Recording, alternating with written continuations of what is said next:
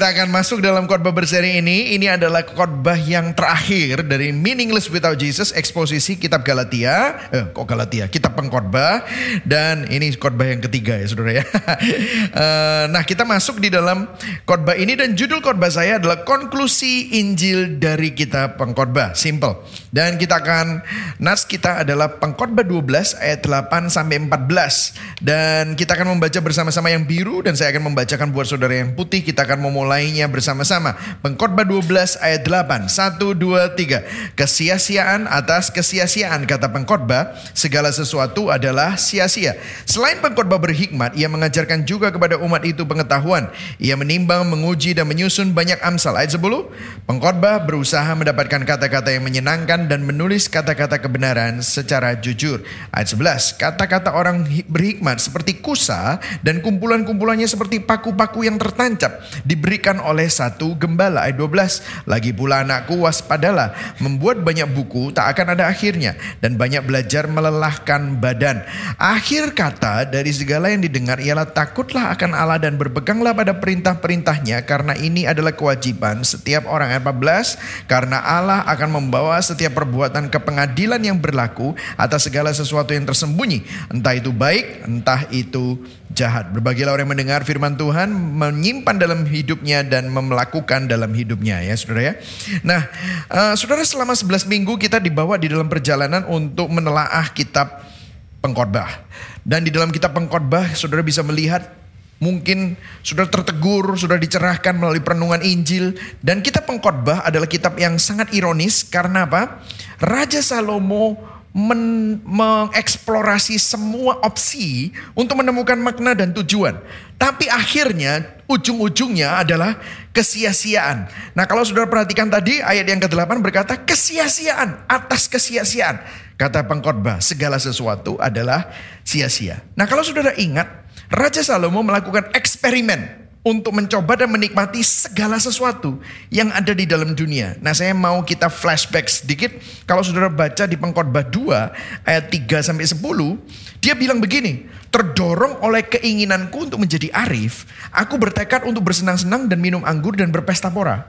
Kusangka itulah cara terbaik bagi manusia untuk menikmati hidupnya yang pendek di bumi ini. Karya-karya besar telah kulaksanakan. Kubangun rumah-rumah bagiku." Kubuat taman-taman dan kebun-kebun yang kutanami dengan pohon anggur dan segala macam pohon buah-buahan. Kugali kolam-kolam untuk mengairi taman-taman dan kebun-kebun itu. Jadi Raja Salomo adalah raja yang sangat kaya dan dia bereksperimen dengan real estate, dia bereksperimen dengan taman, uh, asri ya saudara ya, uh, kebun, kolam, macam-macam saudara. Nah, saya ingin memberikan kepada saudara pencarian Salomo ini ternyata bukan pencarian kuno. Tetapi sampai sekarang orang masih sama mencarinya. Ada seorang Salomo di dalam zaman modern yang hidup di zaman ini mirip Salomo tetapi dalam skala yang lebih kecil. Kenapa saya bilang skala lebih kecil? Karena tidak ada raja yang sekaya Salomo. Dan orang ini yang saya sebutkan kalau saya bisa tunjukkan nanti saudara lihat ini dia kaya, maka dia tidak sekaya Salomo. Saya ingin saudara melihat kekayaan si Sultan Brunei Hasan al-Bolkiah. Kalau saudara tahu dia sangat kaya. Dulu dia pernah masuk di dalam 10 terkaya di dunia, tetapi sekarang dia masuk 10 besar aja enggak. Artinya masih ada ratusan orang yang lebih kaya dari dia. Puluhan orang lah lebih kaya dari dia. Tetapi itu pun semua tidak sekaya Raja Salomo. Jadi saudara membayangkan ini ya saudara. Nah kalau saudara ingin tahu istananya Sultan Hasan al-Bolkiah. Ini istananya, saudara. Istananya, kalau saudara punya bedroom, berapa bedroom rumah saudara? 6 bedroom, itu udah besar. 7 bedroom, oh itu udah besar sekali. Biasanya orang punya 3 bedroom, 4 bedroom ya. Nah saudara tahu istana Nurul Iman, yaitu istananya Hasan al-Bolkiah, Sultan Brunei, itu punya 1888 tempat tidur, eh kamar tidur. Luar biasa saudara. Saudara tahu kamar mandinya ada berapa? 290 kamar mandinya. Dan kemudian luas istananya itu 200 ribu meter persegi. Kalau saya bisa square feet itu ya 2 juta 200 square feet. Uh luar biasa. Tamannya luar biasa bahkan ada kebun binatang kecil di istananya ya saudara ya. Kalau ngomongin tentang mobil ya, saya tunjukkan mobilnya. Itu uh, Sultan Brunei mempunyai 1932 mobil. Hmm, kon kurang opo saudara? Wakeh mobil-mobilnya 531 Mercy 367 Ferrari 362 Bentley 185 BMW 177 Jaguar 160 Porsche 130 Rolls Royce 20 Lamborghini. Totalnya 1900 mobilnya saudara. Mau beli apa lagi saudara? Semua yang bisa dibeli sudah dibeli. Ya saudara ya. Jadi kalau saudara uh, mau beli mobil-mobil ini, ndak usah lah, ndak, ada, ndak ada gunanya ya saudara ya. Karena ini sudah dibeli. Saking senangnya dia punya kesenangan tuh uh, mobil Rolls Royce sama Porsche, maka dia buat mobil sendiri. Depannya Rolls Royce, belakangnya Porsche. Nah, ya saudara ya. Nah inilah yang namanya kalau Wong Surabaya ngomong di get get no ya iki, saudara. Ya. Sampai nggak tahu ini kayak gimana. Dan kalau saudara lihat, dia nggak puas dengan mobil, dia punya dua Airbus. Tahu Airbus? Pesawat terbang dua Airbus A340 dan Boeing 767 dan yang paling besar adalah Boeing 747-430. Ini paling besar. Dan dalamnya itu di custom build dengan ruang tamu sendiri di dalam uh, pesawat terbang ada beberapa kamar tidur dan wastafel dari uh, pesawat ini dilapis emas. Bayangkan saudara. Nah ini sekali lagi saya mau bilang kepada saudara di get get no ya saudara ya. Nah kalau saudara lihat di sini Apakah dia puas? Ya saya nggak tahu. Saudara bisa tanya sendiri sama orangnya ya saudara ya. Tetapi ini bukan pencarian yang baru. Jadi rupanya ribuan yang tahun yang lalu Raja Salomo mencari hal ini dan ternyata hal ini masih dicari banyak orang. Makanya uh, saudara bisa lihat crazy rich people itu uh, kayaknya kayak mau apa? Mau mau mau menunjukkan apa dan cari apa? Dan apa kesimpulannya Salomo? Dia bilang apa? Nah, kalau sudah lihat Salomo, dia juga bilang gini, aku punya banyak budak.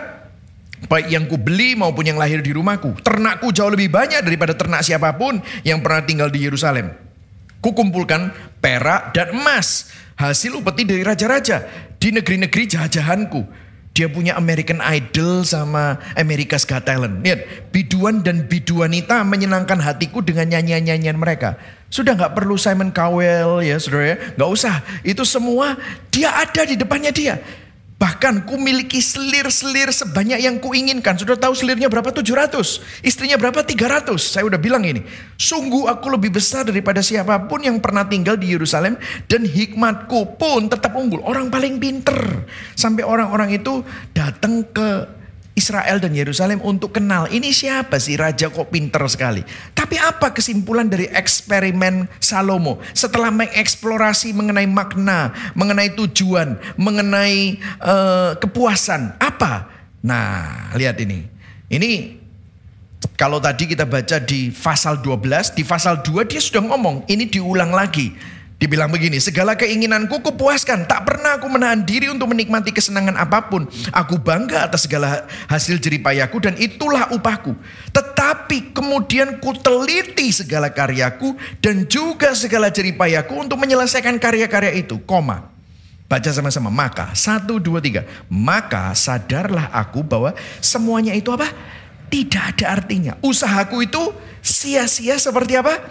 Mengejar angin saja. Jadi rupanya dia mengeksplorasi rumah, kebun, real estate, istri, selir, mau apa lagi. Dia coba semuanya, tapi hatinya tetap saja tidak puas. Semuanya sia-sia, tidak ada artinya, tetap saja tidak terpenuhi. Ada satu hal yang tersisa. Dan yang dimaksud oleh pengkhotbah yang belum dieksplorasi adalah Tuhan. Tuhan dan firmannya. Makanya nanti kita akan lihat kesimpulannya seperti apa. Nah, poin saya ada tiga. Yang pertama, pentingnya berakar di dalam firman Tuhan.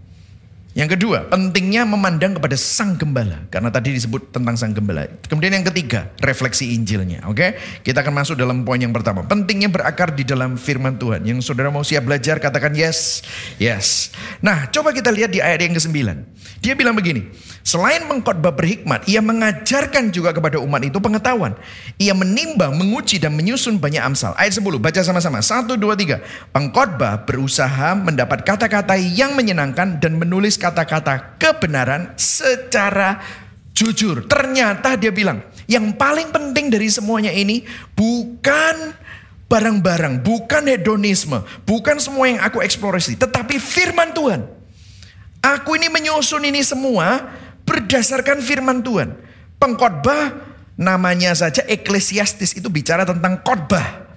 Berkata bahwa kata-kata menyenangkan dan menulis kata-kata kebenaran secara jujur. Jadi dia bilang begini, dalam hidup kita kalau kita tidak dikalibrasi oleh firman, maka hidup kita akan cari hal-hal yang duniawi. Apa yang dikejar manusia itu adalah hal-hal yang fana. Dan kalau kita tidak dikalibrasi dengan firman, maka hidup kita akan selalu kepada menuju kepada kefanaan. Itulah sebabnya poin saya di dalam poin yang pertama ini adalah saudara perlu berakar di dalam firman. Dan untuk berakar di dalam firman, saudara perlu mendengar khotbah dan menggali firman Tuhan dengan cara yang eksegetikal dan eksposisi.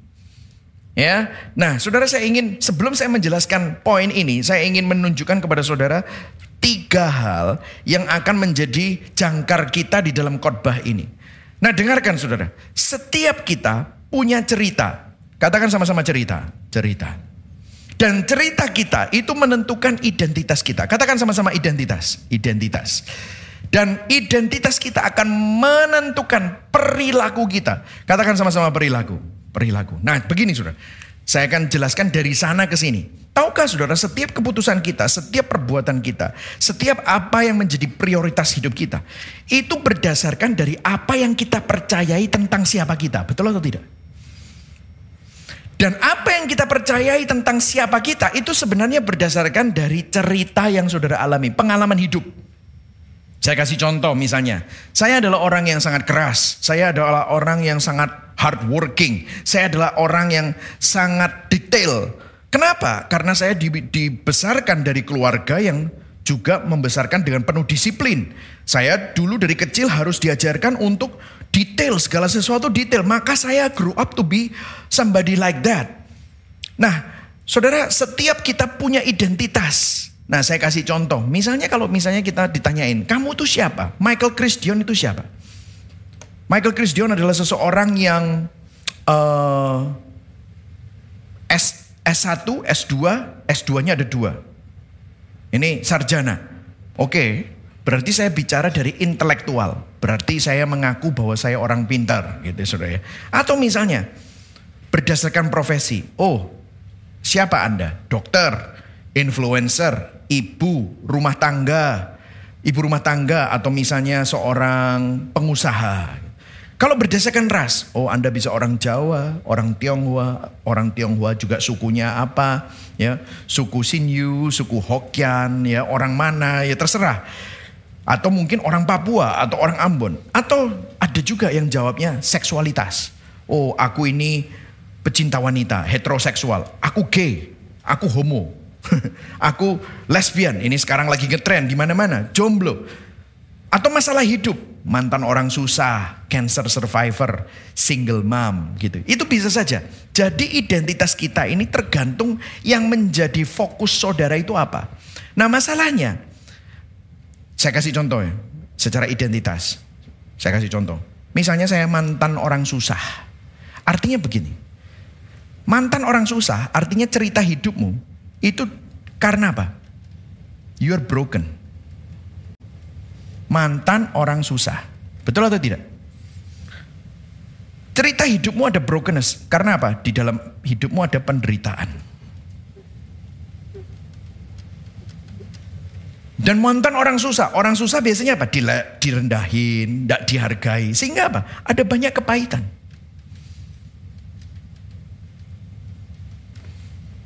Nah, apa yang terjadi? Brokenness, penderitaan dan kepahitan itu menginformasi identitasmu sehingga kamu jadi apa? Jadi orang yang mantan orang susah. Mantan orang susah, dia nggak mau susah lagi. Apa yang terjadi? Perhitungan. Kalau dia punya berhala, tahu nggak saudara? Cerita saudara itu membuat dia punya berhala. Kalau berhalanya kontrol, itu akan mempengaruhi identitasnya. Aku mantan orang susah. Aku tidak mau susah lagi. Sekarang aku udah kerja keras jadi kaya. Maka apa? Aku pelit. Semuanya tak hitung-hitung. Medit, kikir. Kenapa aku tidak mau kehilangan kendali? Karena dulu aku susah, nggak punya duit. Sekarang aku takut kalong. kikir, pelit. Sehingga apa yang terjadi? Wah semuanya dihitungin, orangnya sangat hitung-hitungan, orangnya sangat perhitungan. Sehingga identitas mantan orang susah ini mempengaruhi perilakunya. Akhirnya apa? pelit. Nah tergantung, kalau berhalanya misalnya penerimaan, dulu suka direndahkan, dulu suka tidak dihargai. Sekarang punya duit, oh aku mau tunjukkan, aku mau jadi kayak Sultan Brunei. gitu sudah, makanya dia bilang, aku mau dipanggil orang Sultan. Wih, uh, ini mobilnya Sultan, rumahnya Sultan, jam tangannya Sultan, bajunya Sultan. Wah, pokoknya nunjukin bahwa dia ini berani spend dan dia menunjukkan kemewahan demi kemewahan. Sehingga apa?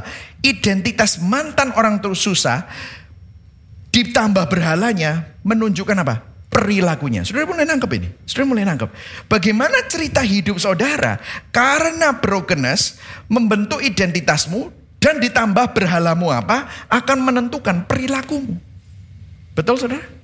Ada orang yang butuh pengakuan. Ada orang yang ingin kuasa. Apa yang terjadi? Karena dulu dia sering diinjak-injak. Ada cerita penderitaan. Ada cerita dia ditolak. Maka itu menjadi identitas. Aku ditolak terus. Dan apa yang terjadi? Waktu berhalanya adalah berkuasa. Maka perilakunya akan selalu cari kuasa. Akan selalu untuk menunjukkan powernya. Di mana pun dia berada mau menunjukkan powernya. Nah di sinilah saudara bisa melihat ternyata behavior manusia itu selalu dipengaruhi oleh cerita dan identitas. Dan identitas dan cerita ini selalu ada di dalam kehidupan kita. Dan kalau kita tidak hati-hati ini akhirnya menginformasi dan akhirnya membuat kita saling terus akhirnya menjadi lingkaran setan. Banyak orang Kristen, banyak orang Kristen meskipun dengar khotbah hidupnya nggak pernah berubah Terus ada di dalam situ. Kenapa? Ceritanya nggak pernah diganti. Itulah sebabnya untuk berakar di dalam firman, kita perlu dengar khotbah dan menggali firman dengan cara yang exegetical dan eksposisi. Mungkin sudah bingung, apa sih pastor exegetical? Apa sih eksposisi? Saya jelaskan. Exegetical. Ada perbedaan antara exegetical dan eisegesis. Nah mungkin sudah bilang, aduh pastor jam segini kok ngomongin apa, iki penyakit bakteri apa ini ya saudara ya. Nah exegetical saya jelaskan ya, exegesis adalah akar kata dari exegetical. Katakan sama-sama exegesis, exegesis artinya apa? Saudara masih ingat ada truk atau uh, traktor yang namanya ekskavator? Itu menggali, nah exegesis adalah menggali firman Tuhan memimpin teks untuk keluar dari firman itu seperti sesuai dengan maknanya. Jadi exegesis itu membiarkan teks berbicara sebagaimana apa yang dimaksudkan oleh penulisnya kepada pembaca mula-mula dari teks itu. Dan pemahaman atau maknanya didapatkan dari teks itu. Itu namanya exegetical. Nah saudara itulah sebabnya saudara melihat bahwa di tempat kami selalu khotbahnya exegetical bukan opini pembicara tetapi selalu konteks dari Raja Salomo itu seperti apa? Konteks dari Rasul Paulus seperti apa? Konteks dari kitab Matius seperti apa? Exegetical. Gunanya untuk apa? Untuk ngubah ceritamu ini loh. Ceritamu ini selalu dipengaruhi brokenness, penderitaan, dan kepahitan. Sama Injil. Perlu dirubah Supaya cerita saudara bukan ceritamu yang penuh dengan penderitaan, kepahitan, dan brokenness. Tapi ceritamu jadi ceritanya Tuhan. Yang setuju katakan amin. Itu perlu dirubah. Nah, yang bahaya adalah bukan exegetical, tetapi eisegesis. Nah ini orang banyak khotbah seperti ini. Saya bukan mengkritisi pengkhotbah, tetapi saudara kalau nanti saya perlu perlengkapi. Supaya saudara waktu dengar khotbah, saudara nggak puas dengan khotbah eisegesis. Apa eisegesis? Artinya begini, pengkhotbah atau penafsir membawa ide, ide asing yang tidak dimaksudkan teks ke dalam teks tertentu si pengkhotbah atau si penafsir memaksa teks itu berbicara sesuai dengan asumsi atau ide tertentu atau ide pengkhotbahnya atau apa saja yang diinginkan oleh pengkhotbah dan penafsir itu. Saya kasih contoh ya, saya kasih contoh. Misalnya, saudara baca Yohanes 10 ayat 10. Yohanes 10 ayat 10 berkata apa? Pencuri datang untuk mencuri, membunuh dan membinasakan. Tetapi aku, Yesus datang untuk memberi hidup, hidup yang berkelimpahan. Nah waktu saudara dengar hidup yang berkelimpahan, karena saudara hidup di dalam dunia yang penuh dengan materialisme, apa yang terjadi?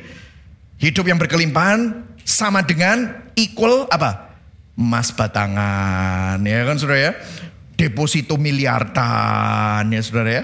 Maka itu yang menjadi pikiran saudara. Terus kemudian pencuri adalah pencuri datang untuk mencuri, membunuh dan membinasakan. Saudara bilang ini iblis ini.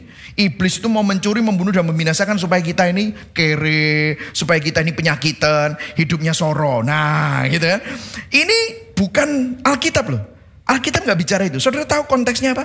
Pencuri datang untuk mencuri, membunuh dan membinasakan itu bicara tentang pengajar sesat. Banyak sekali pengajar sesat yang mengajarkan sesuatu yang berbeda, makanya mereka mencuri firman Tuhan, membinasakan iman, membunuh iman. Makanya datang kepada Yesus. Sang pribadi itu, pribadi firman itu supaya apa? Supaya saudara dapat hidup bersama dengan Tuhan. Hidup berkelimpahan itu Zoe. Hidup bersama dengan Tuhan. Jadi ternyata tuh nggak ada hubungannya. Saudara bisa menangkap ini? Halo? Banyak muka-muka kosong ya saudara ya. Mulai menangkap ya saudara ya. Nah, coba saya kasih contoh ya. Pernah dengar kan? Apa yang tidak pernah didengar oleh telinga. Wah, yang tidak pernah dilihat oleh mata dan tidak pernah diucapkan oleh mulut. Ya, itu yang sudah disediakan Allah bagimu. Waktu saudara dengar itu tanpa tahu konteksnya, apa yang ada di pikiran saudara? Ferrari gitu saudara ya. Ya, gitu. Ferrari itu sudah didengar orang, cuman mungkin belum pernah didengar orang kalau kamu yang punya gitu ya Saudara. Ya, mungkin kalau kamu punya Ferrari belum pernah didengar orang. Tapi kan itu sudah pernah didengar orang, sudah pernah dilihat orang. Apa yang dimaksud itu? Itu bicara tentang apa? Tuhan yang kudus berinkarnasi masuk ke dalam dunia yang berdosa, cari manusia berdosa itu tidak pernah didengar orang, tidak pernah dilihat mata. Ini bicara tentang Yesus Kristus yang merupakan sesuatu yang spektakuler. Kok bisa ya Tuhan memberi anugerah kepada kita yang berdosa? Sih, itu kalau ICGC tiba-tiba maknanya berbeda.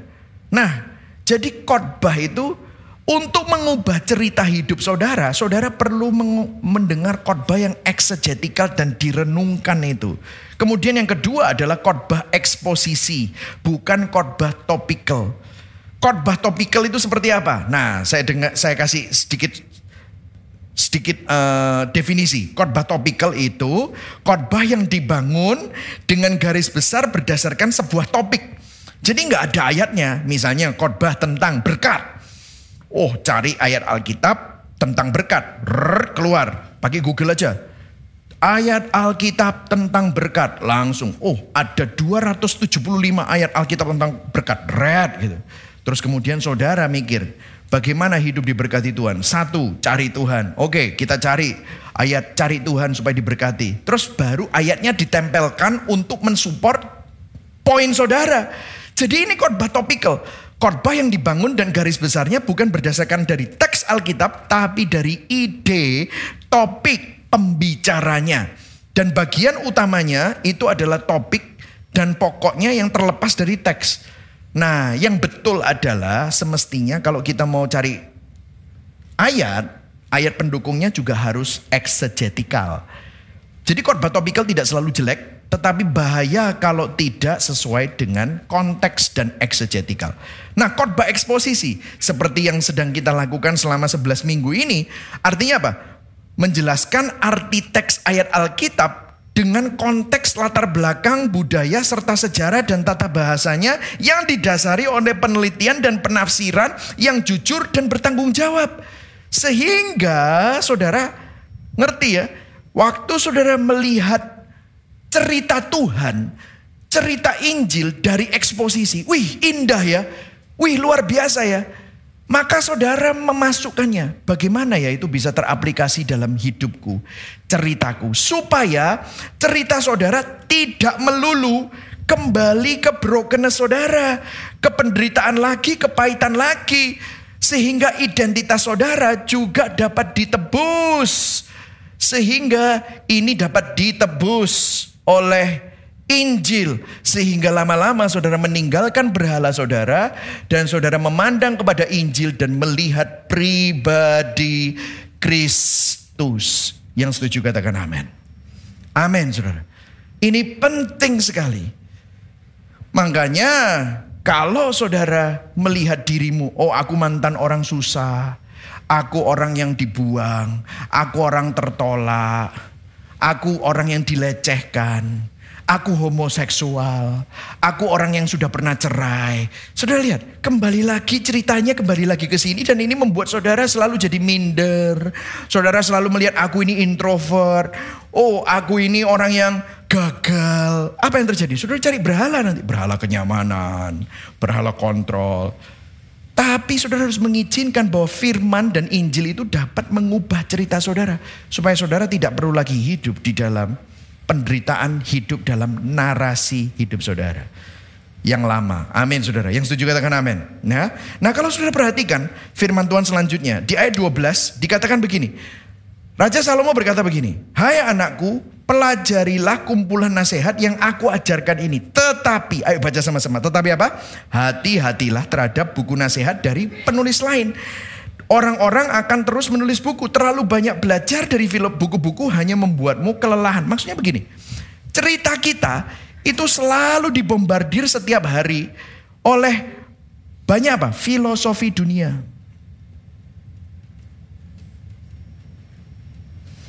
Akhir-akhir ini selalu bilang self love, healing. Akhirnya kembali-kembali cerita kita, kamu tuh broken makanya kamu perlu self love. Mereka mengafirmasi, iya kamu itu menderita makanya kamu perlu healing. Kamu itu kepahitan makanya kamu perlu terapi. Akhirnya apa?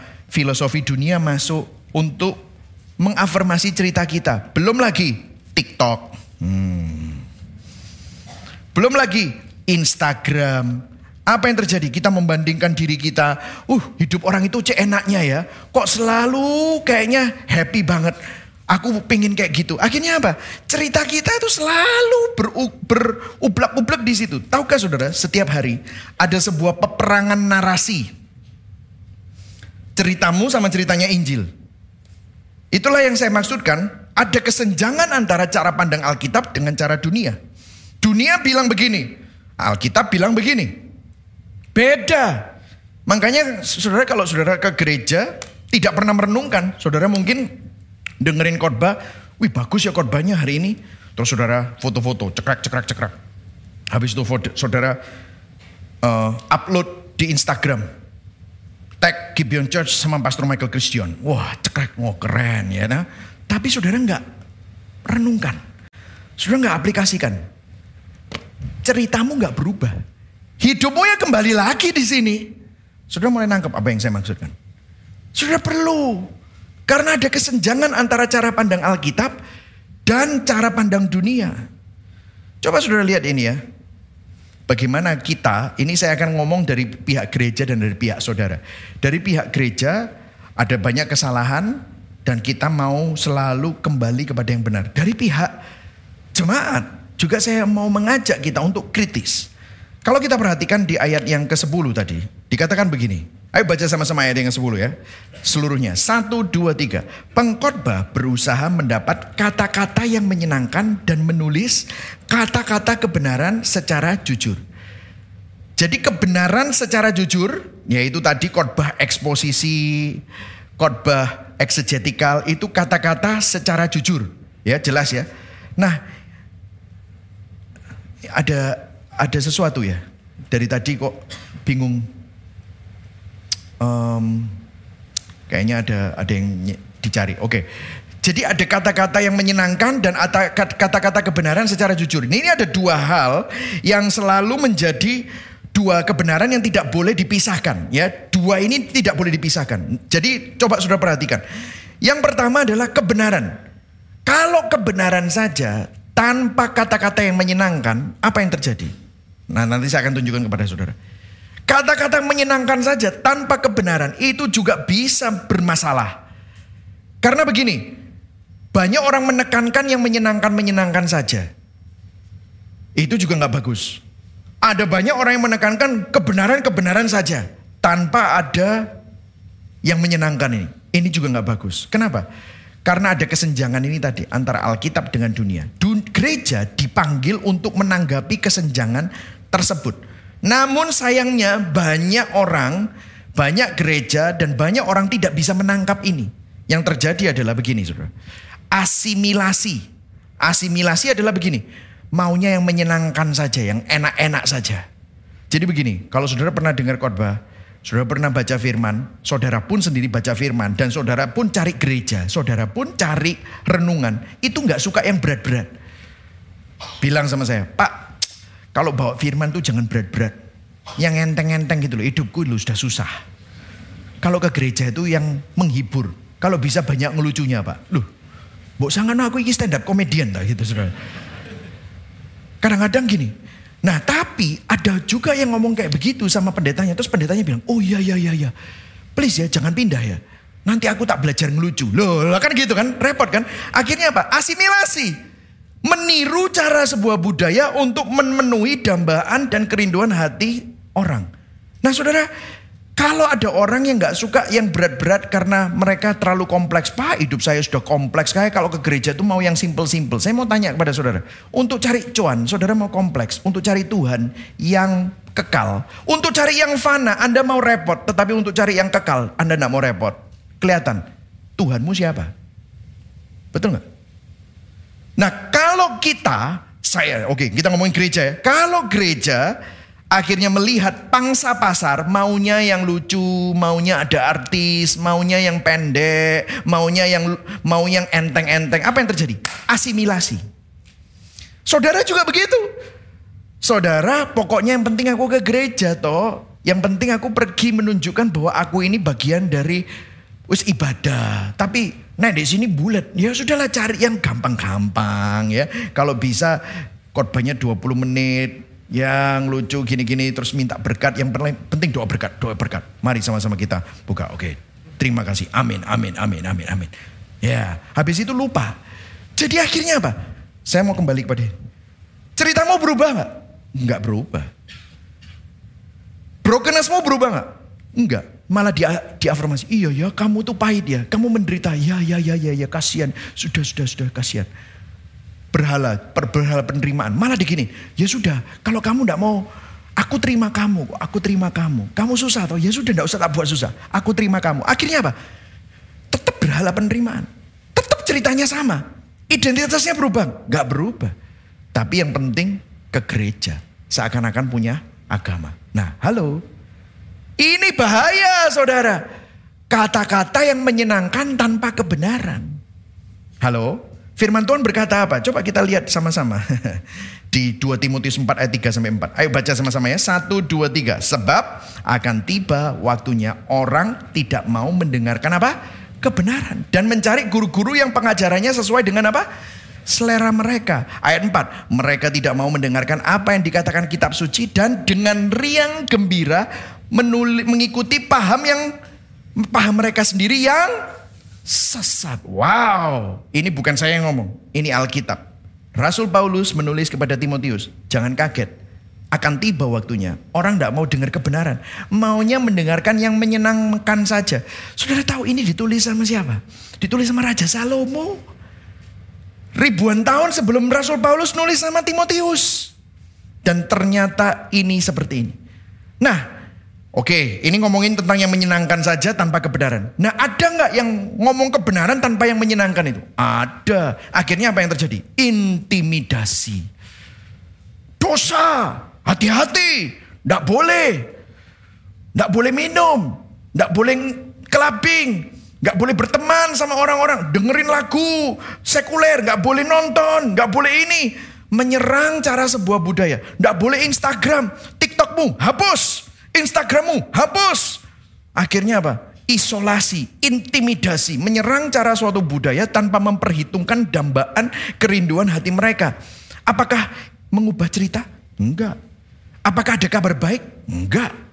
Yang apa? Yang diserang penderitaan. Kamu suka menderita kan? Mengalami banyak penderitaan. Jangan-jangan kamu ada dosa. Ayo sini sini. Sini tak doa no. Tak tengking semua penderitaan. Dalam nama Tuhan Yesus. Segala penderitaan aku hancurkan, aku injak-injak. Dalam nama Yesus. Wes lepas kon.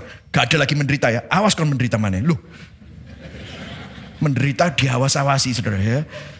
Ada kepahitan. Oh kepahitan. Kamu harus bertobat. Ya apa caranya bertobat? Ya udah. Dalam nama Tuhan Yesus. Ayo muntah no, muntah no, muntah no. Kepahitannya suruh muntahkan saudara. Ya. Awas kon ya kepahitan mana. Mana no saudara. Wih. Intimidasi. Apakah mengubah cerita? Tidak mengubah cerita. Identitasmu berubah? Tidak. Berhalanya sama? Tetap sama. Pelong nggak sebentar habis didoakan? Pelong. Satu hari itu. Besok bangun pagi. Isunya sama lagi. Sama saudara. Intimidasi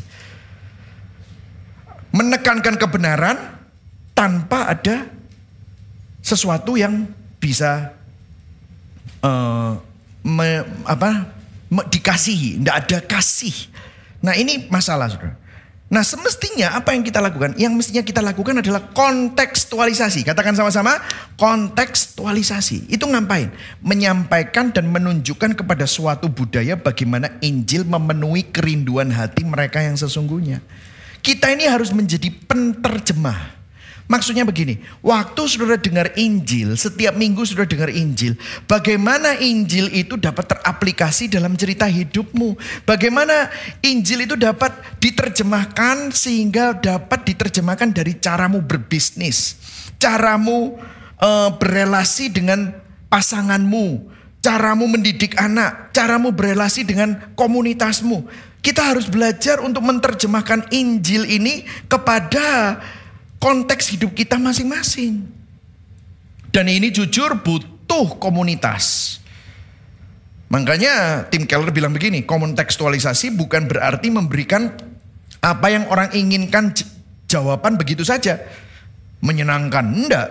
Namun memberikan jawaban Tuhan yang mungkin susah. Jawaban Alkitab yang mungkin tidak enak bagi pertanyaan nyata yang orang tanyakan dengan cara yang bisa dimengerti. Itu loh. Dan ini tidak bisa dilakukan sendiri. Makanya kalau kita masuk di dalam ayat yang ke-9, baca sama-sama ayat ke-9 ya. Satu, dua, tiga. Selain pengkhotbah berhikmat, ia mengajarkan juga kepada apa? Umat itu pengetahuan. Ia menimbang, menguji, dan menyusun banyak amsal. Nah dengar, si pengkhotbah mengajarkan kepada umat itu. Dia berbagi. Dia menimbang, dia menguji, menyusun untuk dibagikan. Ini bicara mengenai komunitas, saudara. Anda tidak bisa berhikmat sendirian.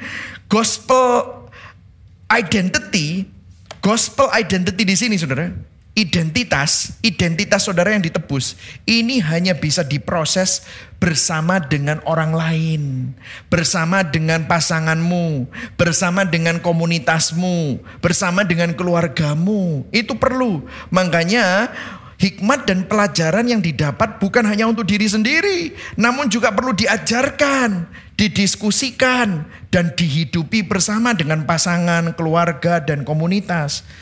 Saya kasih contoh, pulang gereja. Apa sih saudara yang saudara bicarakan itu apa? Pulang gereja, makan mana? Ngopi mana? Ya penting sih memang.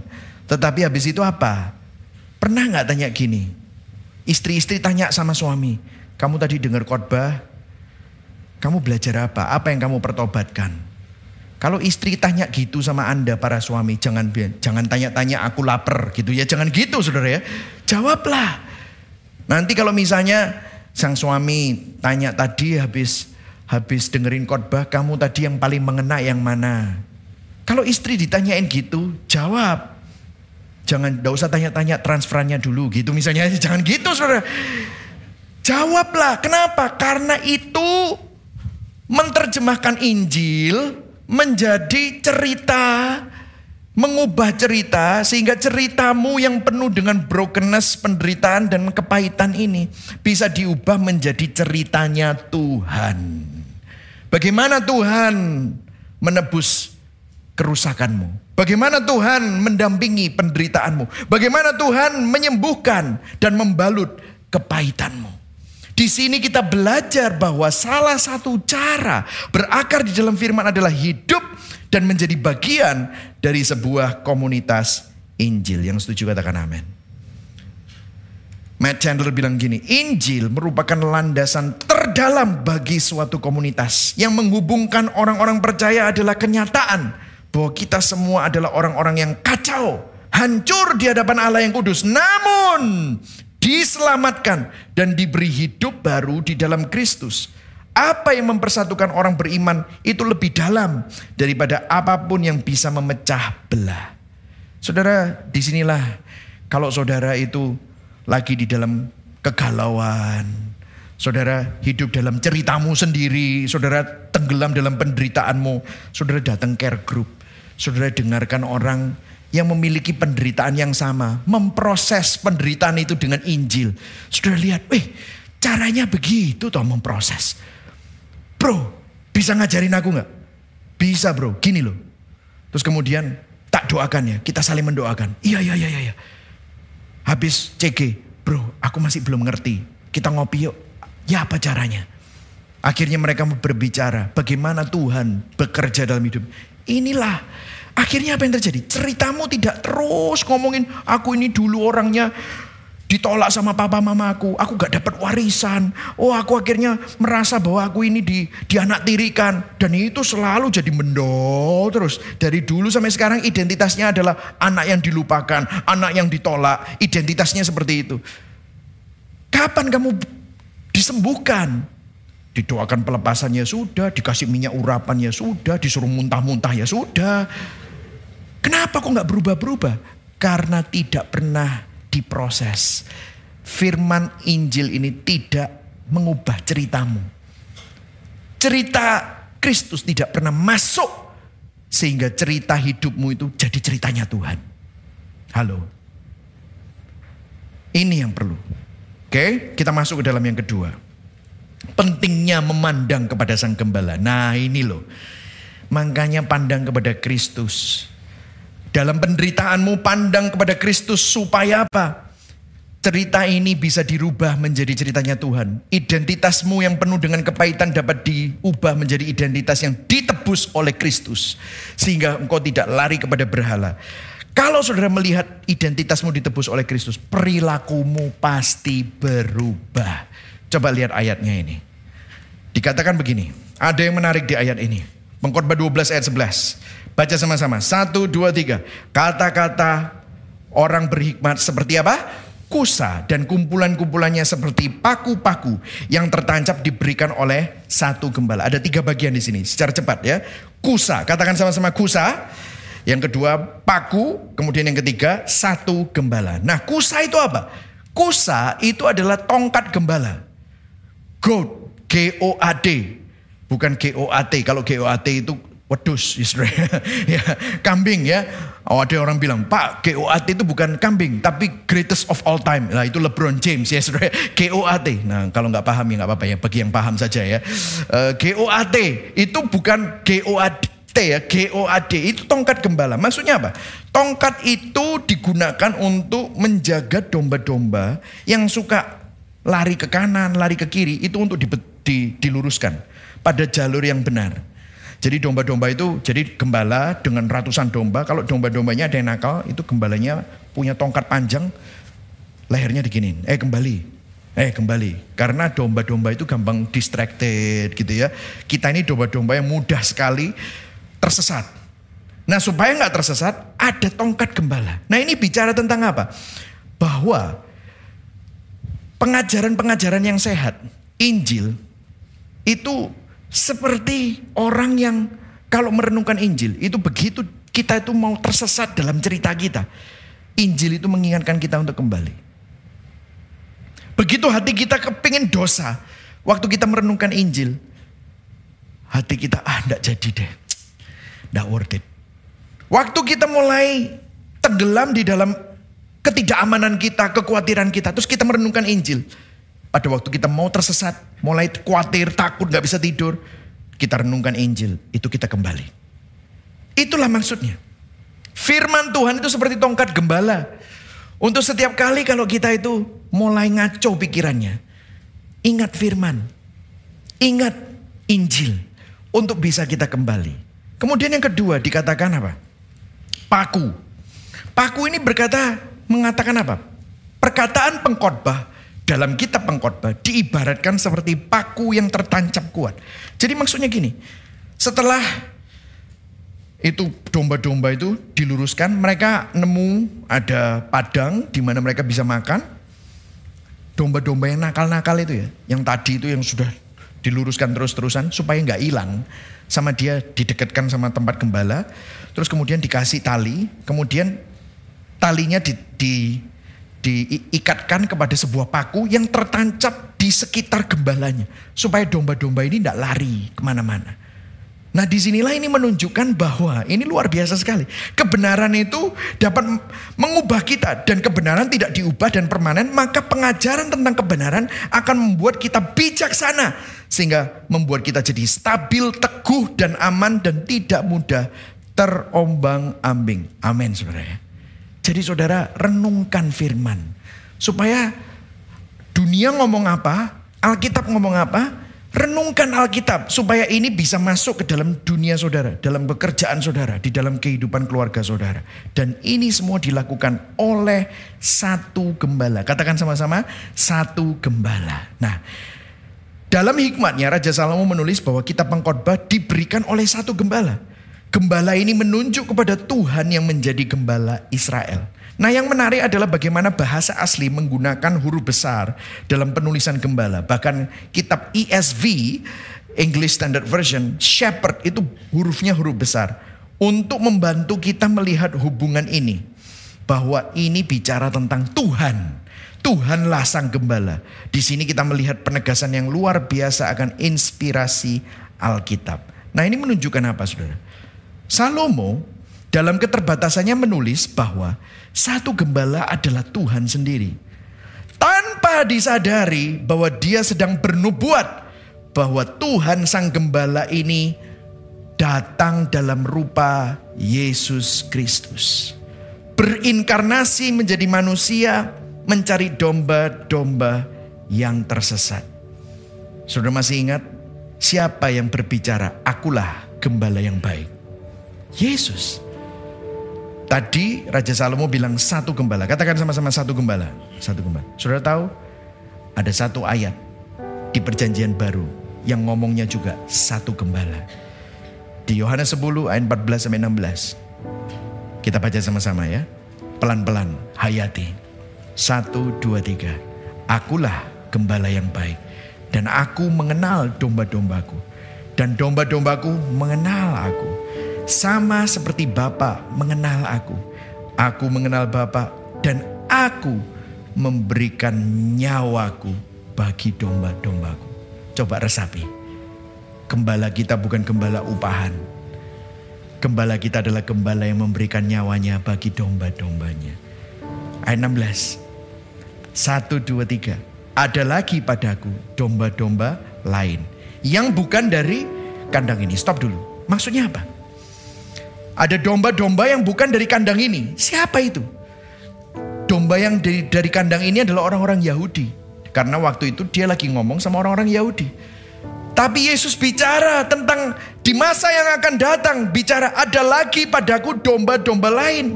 Siapa itu? Coba terus. Baca ya. Satu, dua, tiga. Domba-domba itu harus kutuntun juga dan mereka akan mendengar suaraku dan mereka akan menjadi satu kawanan dengan siapa? Satu gembala. Wow. Apa yang dikatakan oleh Raja Salomo dikatakan juga sama Yesus. Dia bilang Raja Salomo pernah ngomong satu gembala. Akulah satu gembala itu. Dan aku gembala ini bukan hanya untuk gembala di kandang ini. Ada domba-domba lain yang bukan bagian dari kawanan ini, tapi mereka juga domba-dombaku. Itu siapa? Itu orang-orang Indonesia, orang-orang Jawa, orang-orang Tionghoa, saudara dan saya, orang-orang Papua, orang Sunda, orang Madura yang menjadi bagian dari domba-domba Kristus. Dikatakan bahwa aku memberikan nyawaku bagi domba-dombaku. Nah, ada yang menarik di sini kalau kita kembali ke kitab kompak pengkhotbah. Akhir kata, ini kata-katanya Raja Salomo. Akhir kata dari segala yang didengar ialah takutlah akan Allah dan berbekanglah pada perintah-perintahnya karena ini adalah kewajiban setiap orang. Karena Allah akan membawa setiap perbuatan ke pengadilan yang berlaku atas segala sesuatu yang tersembunyi, entah itu baik, entah itu jahat. Kalau kita perhatikan di sini, lihat, takutlah akan Tuhan Berpeganglah pada perintahnya karena itu kewajiban semua orang dan semua akan diadili. Dengar, dengar. Waktu Yesus berkata, aku adalah gembala yang baik yang menyerahkan bagi nyawa. Menyerahkan nyawanya bagi domba-dombaku. Dengar, apa yang dia lakukan? Yesus Tuhan, Sang Gembala Agung. Yang seharusnya ditakuti. Karena kita oleh Raja Salomo dikatakan, takutlah akan Tuhan. Yang seharusnya ditakuti. Justru rela merasakan rasa takut. Waktu dia berkata di Taman Getsemani, dia berpeluh darah, dia takut, ketakutan Tuhan kalau bisa, Bapak kalau bisa cawan ini berlalu daripadaku. Tapi bukan kehendakku namun kehendakmu. Pada waktu dia di atas kayu salib dia berteriak penuh dengan kesakitan. Eloi, Eloi, lama sabaktani. Yesus Tuhan Sang Gembala Agung yang seharusnya mengadili, justru harus menjalani pengadilan, mengalami ketidakadilan, difonis bersalah secara tidak adil. Yesus Tuhan Sang Gembala Agung yang seharusnya menuntut untuk perintahnya diikuti. Karena itu merupakan kewajiban semua orang. Tetapi justru rela dituntut difitnah padahal dia sudah mengikuti hukum Taurat. 100% obedience. Taat 100% tetapi dia difonis bersalah dituntut dan difitnah. Tuhan sang gembala agung yang seharusnya menghukum justru rela dihukum mati. Tangan dan kakinya dipaku di atas kayu salib. Tongkat murka Allah sang gembala agung dipukulkan atas Tuhan Yesus gembala agung kita. Untuk apa? Supaya apa? Demi menyelamatkan domba-dombanya. Melalui darahnya Kristus membawa pengampunan dosa bagi kita. Melalui kematiannya Kristus membawa kehidupan bagi kita Melalui karya salibnya, Kristus menebus kefanaan, kesia-siaan, dan dosa. Supaya saudara dan saya dapat masuk ke dalam hidup yang penuh dengan makna. Itulah yang dilakukan oleh Sang Gembala Agung bagi saudara dan saya. Refleksi Injilnya. Apakah saudara bagian dari domba Kristus? Apakah hatimu mengenal suara sang gembala? Apakah ceritamu sudah diubah oleh sang gembala? Kamu tidak perlu lagi hidup dalam brokenness, penderitaan dan kepahitan.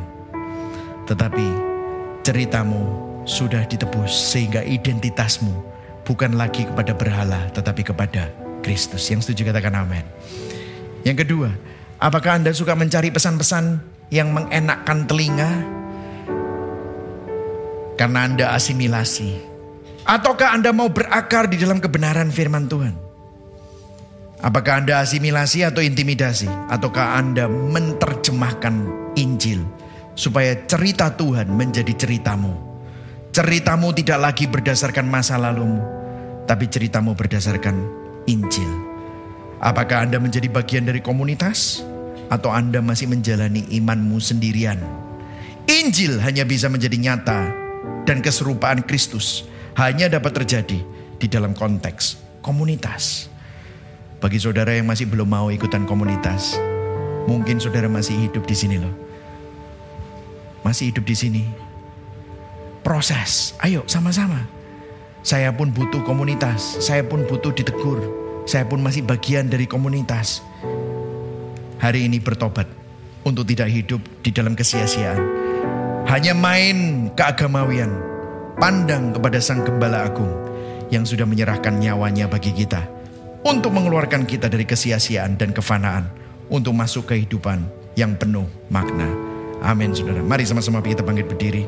Saudara berkati hari ini. Amin. Katakan kepada kanan kiri, ubah ceritamu. Amin. Katakan kepada kanan kiri, ubah ceritamu supaya identitasmu berubah. Amin saudara. Kita sama-sama membaca karena Injil sebagai um, implikasinya ya. Karena Injil kita tidak lagi hidup dalam kesia-siaan. Namun dalam setiap musim hidup dapat menemukan makna di dalam Kristus. Karena Injil kita tidak melakukan asimilasi ataupun intimidasi. Namun kita melakukan kontekstualisasi, menerjemahkan firman sesuai dengan konteks hidup kita. Karena Injil, kita tidak hidup sendirian, tetapi kita berakar dalam sebuah komunitas Injil di mana saudara dibentuk, diubah dalam keserupaan Kristus. Karena Injil, kita tidak perlu takut, kita tidak perlu khawatir karena Sang Gembala Agung sudah menyerahkan nyawanya bagi kita domba-dombanya. Maka kita akan selalu disertai dan didampingi dalam setiap musim hidup kita. Amin. Berikan tepuk tangan buat Tuhan Yesus. Amin.